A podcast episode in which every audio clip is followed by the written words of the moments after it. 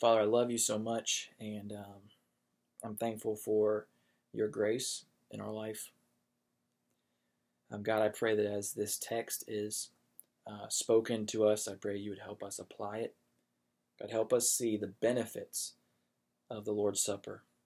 God, the symbol that it is, the glorious symbol that it is for the church. Um, let us see all these things. Let us desire to be like you. Let us desire to love the church more and more uh, as the day draws near. Uh, we can't wait to be back together again uh, with your people. Uh, God, teach us now in Jesus' name. Amen. All right, so we're going to pick up in um, chapter 11, verse 17. We're going to go all the way through verse 34.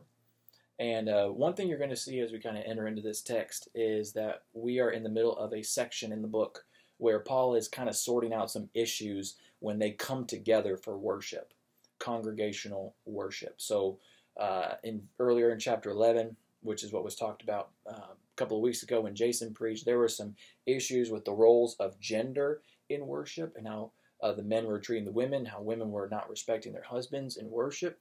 And in chapter 12, right after this section, he's going to talk about the spiritual gifts and how we actually are supposed to be using our gifts. And there's been a lot of lack of love in how the church is misusing their gifts.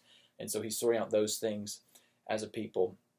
And right here in the middle of those two things, Paul is rebuking them for how they are improperly, unworthily taking the Lord's Supper.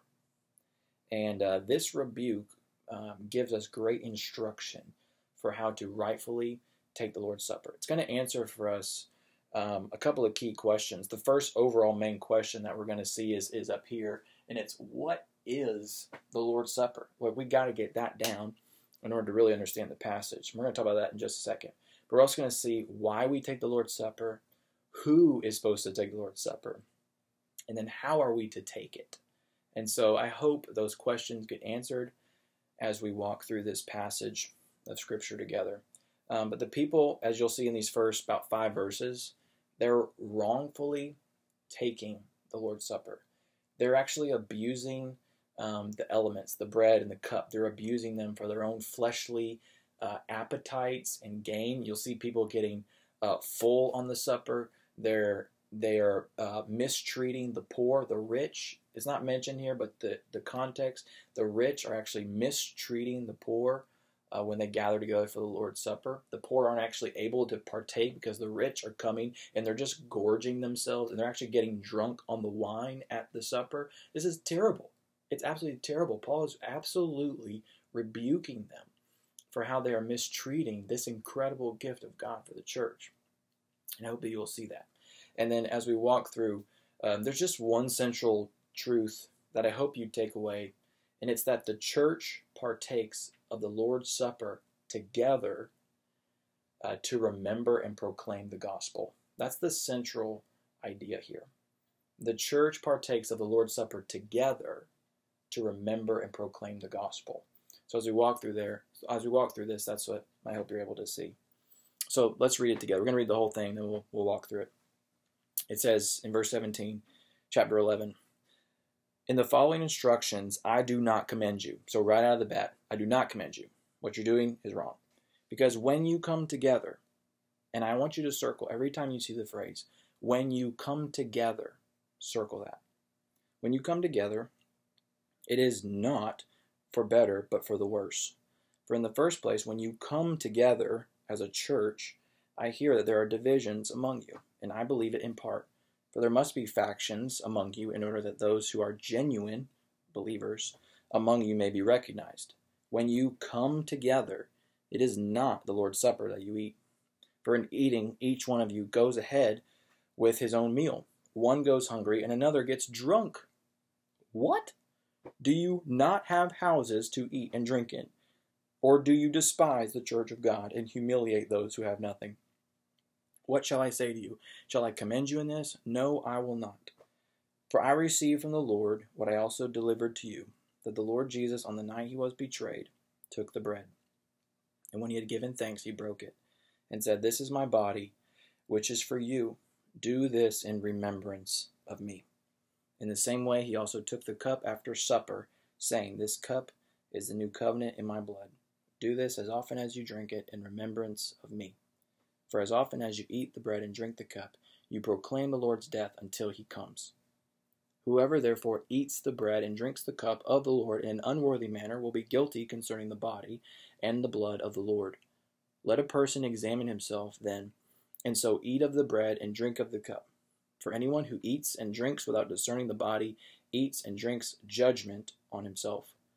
That is why many of you are weak and ill, and some have died. But if we judge ourselves truly, we would not be judged. But when we are judged by the Lord, we are disciplined, so that we may not be condemned along with the world. So then, my brothers, when you come together to eat, wait for one another, or welcome one another. If anyone is hungry, let him eat at home, so that when you come together, it will not be for judgment. About other things, I will give directions when I come. So, let's first answer uh, this question about what is the Lord's Supper? What is the Lord's Supper? Okay, so we see this in verse 23 to 25 uh, when he says here that on the night Jesus was betrayed, uh, betrayed, he took bread, okay, and he had given thanks, and he broke it and said, This is my body, which is for you. Do this in remembrance of me. And then he also took the cup and he said, This cup is the new covenant in my blood. Do this as often as you drink in remembrance of me. So I want us to answer this question, and then we're going to see four points very clearly for the church. So, what is the Lord's Supper? This is the meal, the meal, not like a full meal you eat at your house, but it's the meal that is given to the church when we are together to partake of the bread and the cup, which is a symbol of the body and the blood of Jesus that was given to us for the forgiveness of sins. Okay? So it's a meal that is given to the church to partake together, where we partake of bread and the cup to remember the body and the blood of Jesus, which was broken and poured out for us for the forgiveness of sins. Okay, that is the supper. And so we're going to see this as we walk throughout. And G, uh, uh, Paul is echoing Jesus' words. So he says, on the night he was betrayed. So if you actually look at the gospel, so if you went to Matthew 26, 26 to 28, Mark 14, t- verse 22 and following, Luke uh, chapter 22, verse 16 and following, you would see Jesus' words about him instituting um, the Lord's Supper uh, on the night of Passover. So Passover was always forward looking to the true Passover lamb when Jesus would become our Passover lamb. And so the night when they were supposed to take the Passover meal, which was uh, remembering how God delivered the Israelites from slavery in Egypt, it was always forward looking to the night when Jesus would deliver his people from slavery to sin. And so on the night of Passover, they don't eat a lamb, they are partaking in the actual Lamb of God who is now about to shed his blood for the forgiveness of sins. And so Jesus takes over Passover and turns it into the Lord's Supper for us to now remember the forgiveness of our sins. And so you would see that in those those passages there. So we are to partake uh, for four reasons and in four uh, particular ways. So there's four commands for the church. The first one I want us to see is this: we partake. Number one, right here. We partake to remember the gospel.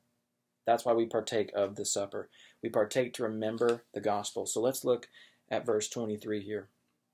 So, uh, what we just read For I received from the Lord what I delivered to you, that the Lord Jesus, on the night he was betrayed, took bread. And when he had given thanks, he broke it and said, This is my body, which is for you. Do this in remembrance of me. Circle remembrance, very important word. In the same way, he also took the cup after supper saying, This cup is the new covenant of my blood. Do this as often as you drink it in remembrance of me. So circle that again, in remembrance of me. So this is very important.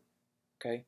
We partake of the supper to remember the blood of Jesus, which was poured out for us for the forgiveness of sins. To remember the body of Jesus that was broken for us so that we could have a resurrected body, so that our humanity could be restored, our sinfulness could be restored, and we could be made right with God the day that Jesus poured out his blood and broke his body for us. We remember that. The meal is to take us back to that place in thankfulness. So, if you have ever had a song that kind of takes you back, um, maybe there's a particular song that as soon as you hear it, you remember, you know, running, you know, down a dirt road or running a marathon or something like that, or you remember being in the car with your friends five years ago, listening to that song. I know there are, I know particular people where they were actually saved they believed on Jesus for salvation during a particular song. And so every time they hear that song, they're taken back to that moment in time. See, that's kind of like the Lord's Supper.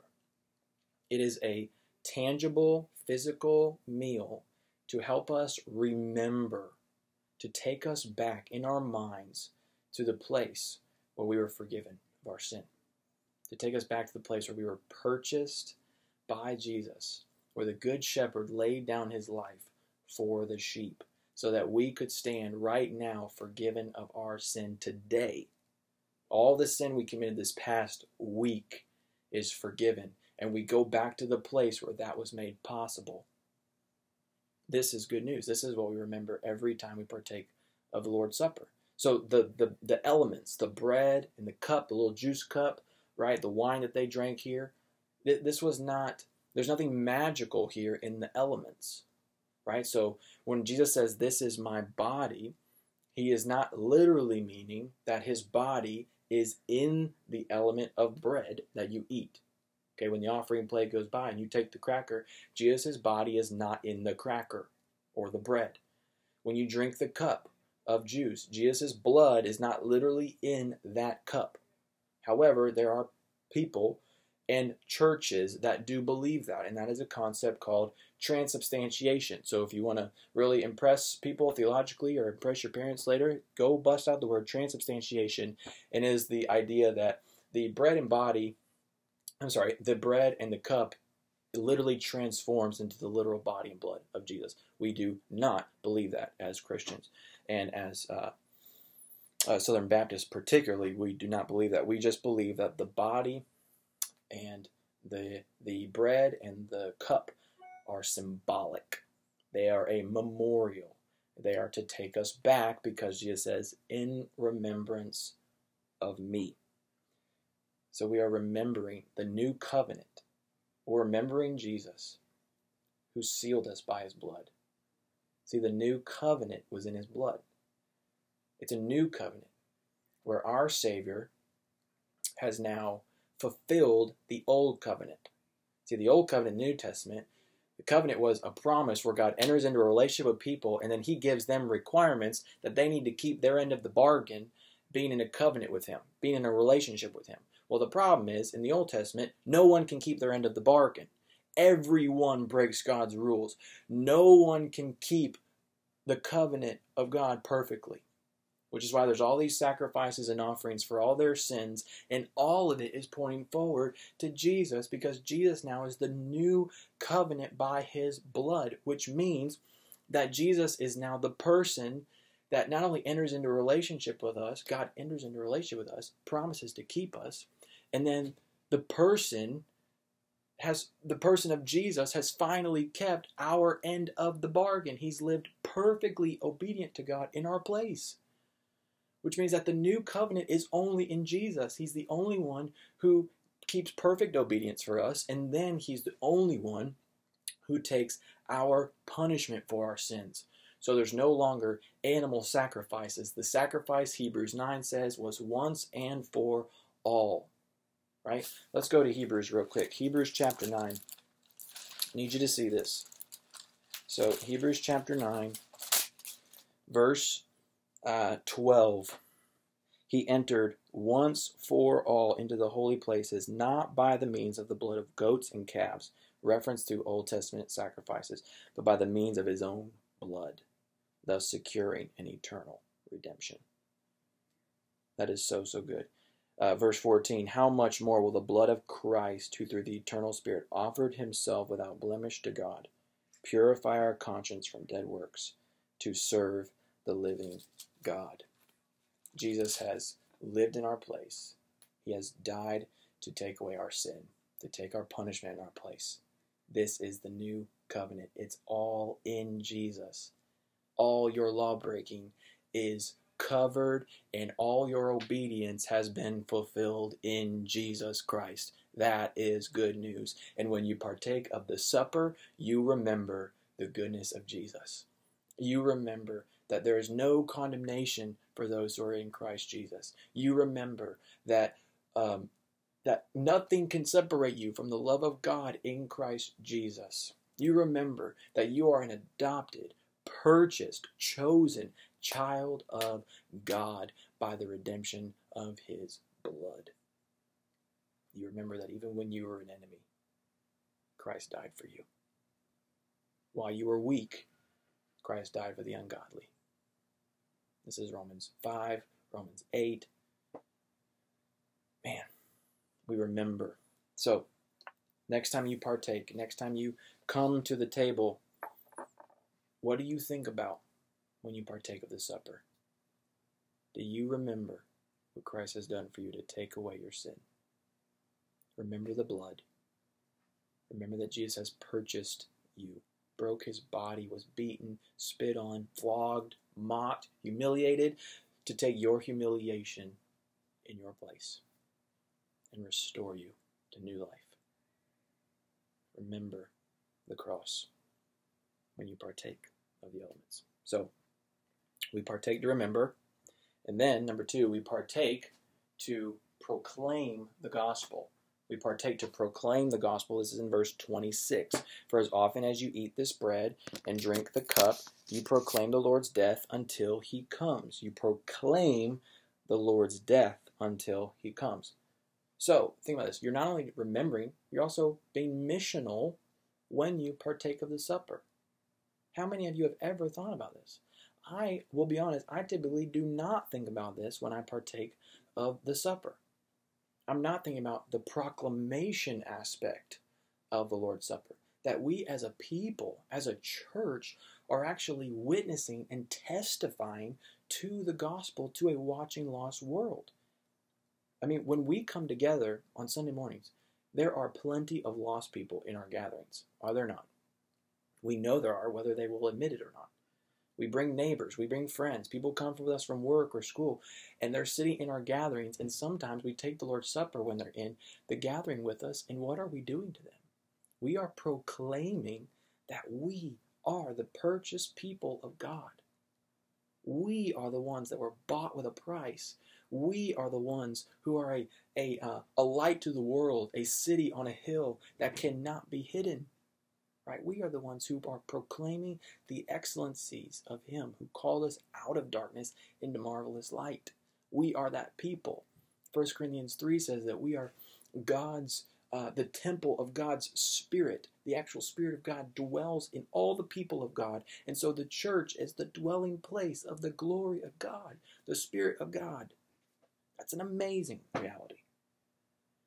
And we are proclaiming this truth to the world. Have you ever thought about that? Revelation 5 9 says that one day every tribe, language, tongue will confess. Right? We'll be standing around the throne, worshiping the Lamb uh, who is worthy, who has ransomed a people for himself by his blood. Man, have you ever thought about that? It's a glorious reality that we are actually proclaiming Christ to a watching world. So, next time you gather, think about what you're doing. You're remembering and you're proclaiming, right? You're being a witness. So, Luke 24, Luke 24 and verse 47, right after Jesus uh, is about to rise into heaven, ascend, he's going to leave his disciples. He says, Verse 46, he says, Thus it is written that Christ should suffer and on the third day rise from the dead, and that repentance and forgiveness of sins should be proclaimed in his name to all nations, beginning from Jerusalem. And you are witnesses of these things. And we are witnesses, and we are proclaimers of the gospel when we together take the supper. Think about the togetherness of the Lord's Supper. We are the people of God, proclaiming that Jesus has purchased us, and that to all the ones that are watching, sitting among us, you can be a part of this people. If you will repent and believe on Jesus, you too can have your sins forgiven and you can be cleansed and you can be a part of this city on a hill that cannot be shaken. You can be forgiven and free. Hmm. We are proclaimers. So proclaim him every time you take the supper. Proclaim him. You were made to proclaim the excellencies of him. Once you were not a people, now you are God's people. Man. First Peter 2.10. Okay. So that's number two. Number three is we partake um, together as the church. We partake together as the church. Okay, partake together as the church this is so important. So in verse, um, let's see. So five times, five times here, I told you to circle all the times where it says together, right? So um, in verse 17, you see the phrase, when you come together as a church, right? When you come together. You see it in 17, 18, 20, 33, and 34. You see it five times that the Lord's Supper is when you come together as a church, right? No exceptions, right? This is the purpose of the supper. It is for the unity of the people of God, all right? And so uh, we see in chapter 10, if you would actually go back a chapter, uh, in verse 17, he says, Because there is one bread, we who are many are one body, for we all partake of the one bread. So you have this all partaking together of the one supper. There's one supper that we all partake of together. It's the family meal. It's the church family meal, right? It's what brings us to the table together. And so this is so important because it shows the context in which we take the supper and it shows us the people, the who, are the ones who take the supper. So the who takes the supper? It's the church only. It's the people of God who are cleansed by the blood of Jesus, who have repented and put their faith in Jesus Christ for the forgiveness of sins. Only. Because that's the only people that can remember uh, in a worthy manner and uh, think about the forgiveness of sins that Jesus has purchased for them, right? That doesn't mean anything to an unbeliever. And it's also not for an unbeliever. And they can actually take it in an unworthy manner if they take it, and that's not true of them, which we see later on in the chapter. Right? So it's it's a celebration for Christians. It's a celebration for the church, the local church, the people who are bought with the the blood of Jesus, right? Who have been baptized, proclaiming that they are Christians and brought into this fellowship. And now we as a people together partake of the body and the blood of Jesus symbolically uh, together to celebrate what Christ has done for us collectively. Right? So so it's for the people of God. So imagine um, imagine a banquet for a team celebrating a championship, right? A feast uh, where you come together, you're going to celebrate the year, celebrate the great season, you're going to hand out trophies and awards, and imagine that you are invited just to observe, right? You're not on the team, you're not even a family member, you're just there to observe. Maybe you're just a fan or something. And um, you're observing, but then you go to like sit down and like pull up your chair, like, excuse me, can I just scooch in right here? And you, you start eating the steak that they're serving at the banquet. And people are like, what are you doing? Like, I don't even know who you are. This isn't for you you aren't on the team, right? This isn't your celebration. You know, that would be out of place, right? In, in the same way, it's not a very good example, but it, it's a kind of a good example, I guess. It helps us kind of conceive of it. Um, in a similar way, the, the Lord's Supper is not for everyone. It's not just for unbelieving observers, right? It's it is for the people of God who are remembering and we are celebrating and we are proclaiming what Christ has done for us that he purchased us, that he saved us, right? So it's very unique um, in that regard. And then also, um, because that we take it as a church together, um, the gathering of believers is a very important context for the supper because the unity that is meant to be uh, displayed, right? So the problem with the Corinthian church is that they are they are uh, not unified because the rich are mistreating the poor, right? And the point of the supper is to be unified as a whole body. And he actually says you're partaking of elements, but you're actually not partaking the Lord's Supper because you've missed it. And that's in verse, uh, was that 20, 20. He says, so even though you think you're taking the Lord's Supper, you're actually not because you've missed the point. You're not unified as a body. You're divided. And so when we come together, that's when we take the supper.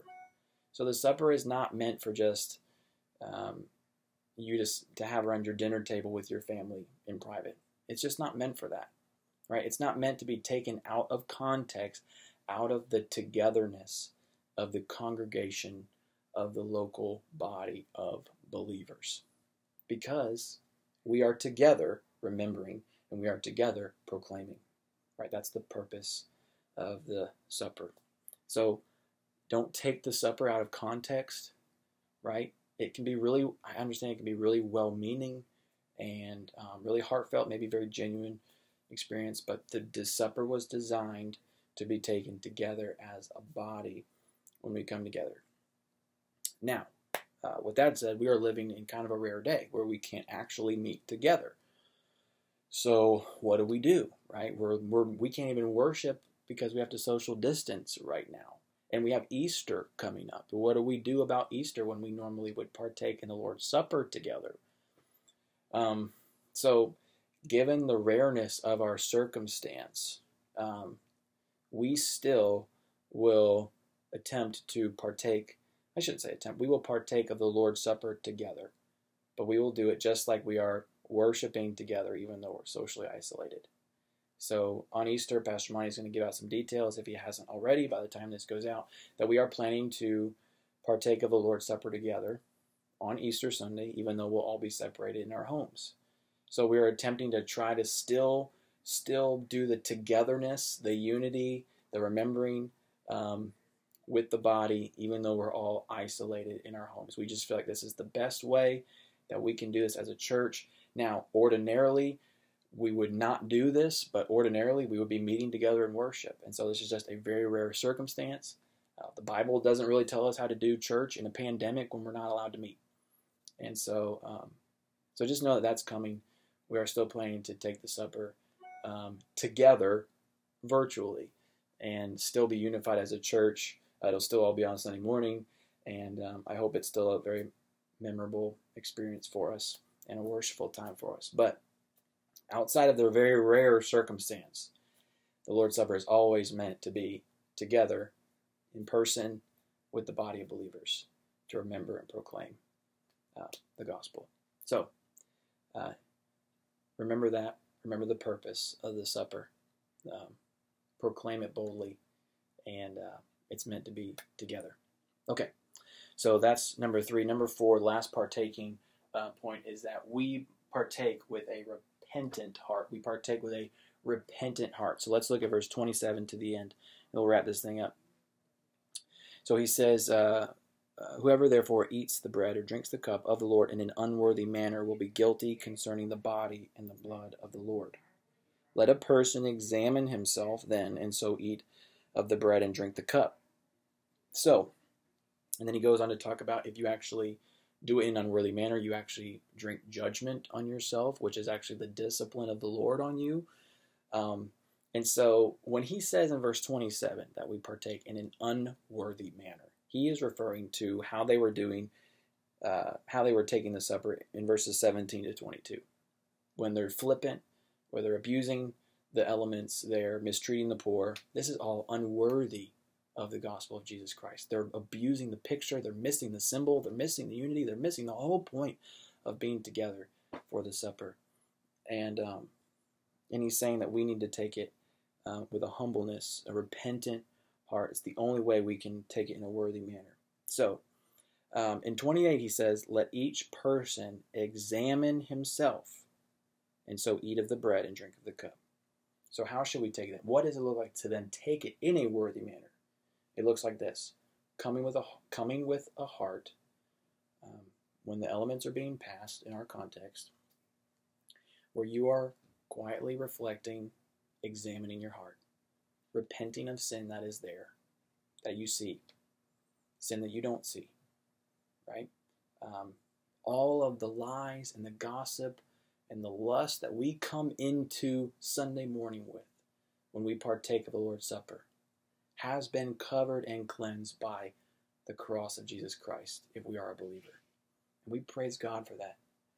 But we don't want to come to the table of the Lord and just take elements and be abusing the grace of God all week long and then come and just take a, a cracker and some juice and act like it means nothing to us and act like we're actually enjoying the benefits of the cross when all the rest of the week we're not experiencing the benefits of the cross. We're not walking in the grace of Jesus. We are flippantly abusing the grace of Jesus Christ. It's in that way. If we come with that heart, we're taking it in an unworthy manner. So let us come and be humble. Let us think through and confess sins that are on our heart. Let's pause and pray with the person next to us. I, I, I pray with my wife when we get our little bread and we get our little juice. We usually sit there and we pray together, very quietly and whisper. And if someone's sitting uh, next to me, you know, they can, you know, they're okay with it. You know, um, we're really quiet. You know, we're whispering, and we're we're just thanking God for covering us. We're confessing sin. Um, we're praising that that we've been forgiven and cleansed. We're coming with a humble and repentant heart. We're seeking to do that. And so, God has called you to come, repenting and confessing sin when you come to the table, and even before you come to the Lord's table. Um, because you come in, you just you come in with so much sin on a Sunday morning. And Christ has covered that by his blood. And to not be mindful of that is to partake in an unworthy manner. But we know that if we come and confess our sin, First John tells us that he's faithful and just to forgive us our sin and to cleanse us from all unrighteousness. That if we confess our sins to one another and pray for one another, we will be healed. James 5:16. And so we must come with that kind of heart, examining ourselves so that we're not disciplined for it. He even says, look, there's people in verse 30 that this is why many of you are weak and ill and some have died. This is this was the discipline of the Lord on them because of their um, unworthiness in which they were taking the supper. This is really serious. But if we are judged, verse 31, if we are ju- if we judge ourselves, we would not be judged by the Lord. So he's saying if we are honest with ourselves, honest with our heart when we come and confessing our sin, um, then we can partake uh, in a worthy manner. And we won't experience the discipline of the Lord. So you can actually, you can actually sin while taking the Lord's Supper because you're taking it in an unworthy manner. The Lord shows us this is very clear. It's very serious. So, and with that said, there may be seasons of life, there may be seasons and pockets of time where you show up on Sunday morning, Lord's Supper is being done, and you're not in a position where you feel at peace or in good conscience to take the Lord's Supper because you just feel like you haven't really truly repented. You haven't repented of that lust. You haven't repented of that bitterness, that anger in your heart that you've been holding on to and you're still holding on to it. you really can't really get over it. It's okay to, in that moment, abstain from taking. And that's why he says, judge for yourself so that you don't take it in unworthy manner. Abstain so that the next time Lord's Supper comes around, you will have repented, you will have been resting in the grace of God, and now you can take it in a way that's honorable to Jesus and worthy of the gospel. So, all of that said, we will be together again soon. We're going to be together virtually for the next couple of weeks. And we don't know how long this thing's going to carry out. But whether we are taking the Lord's Supper together virtually or together in person, hopefully always, for the rest of our church life, after this virus is over, it'll always be together in person. May you take it in a way that's worthy of the gospel. Take it with a repentant heart. Right? Remember that Jesus has forgiven you. It is good to be forgiven, isn't it? It's good to be forgiven by the gospel.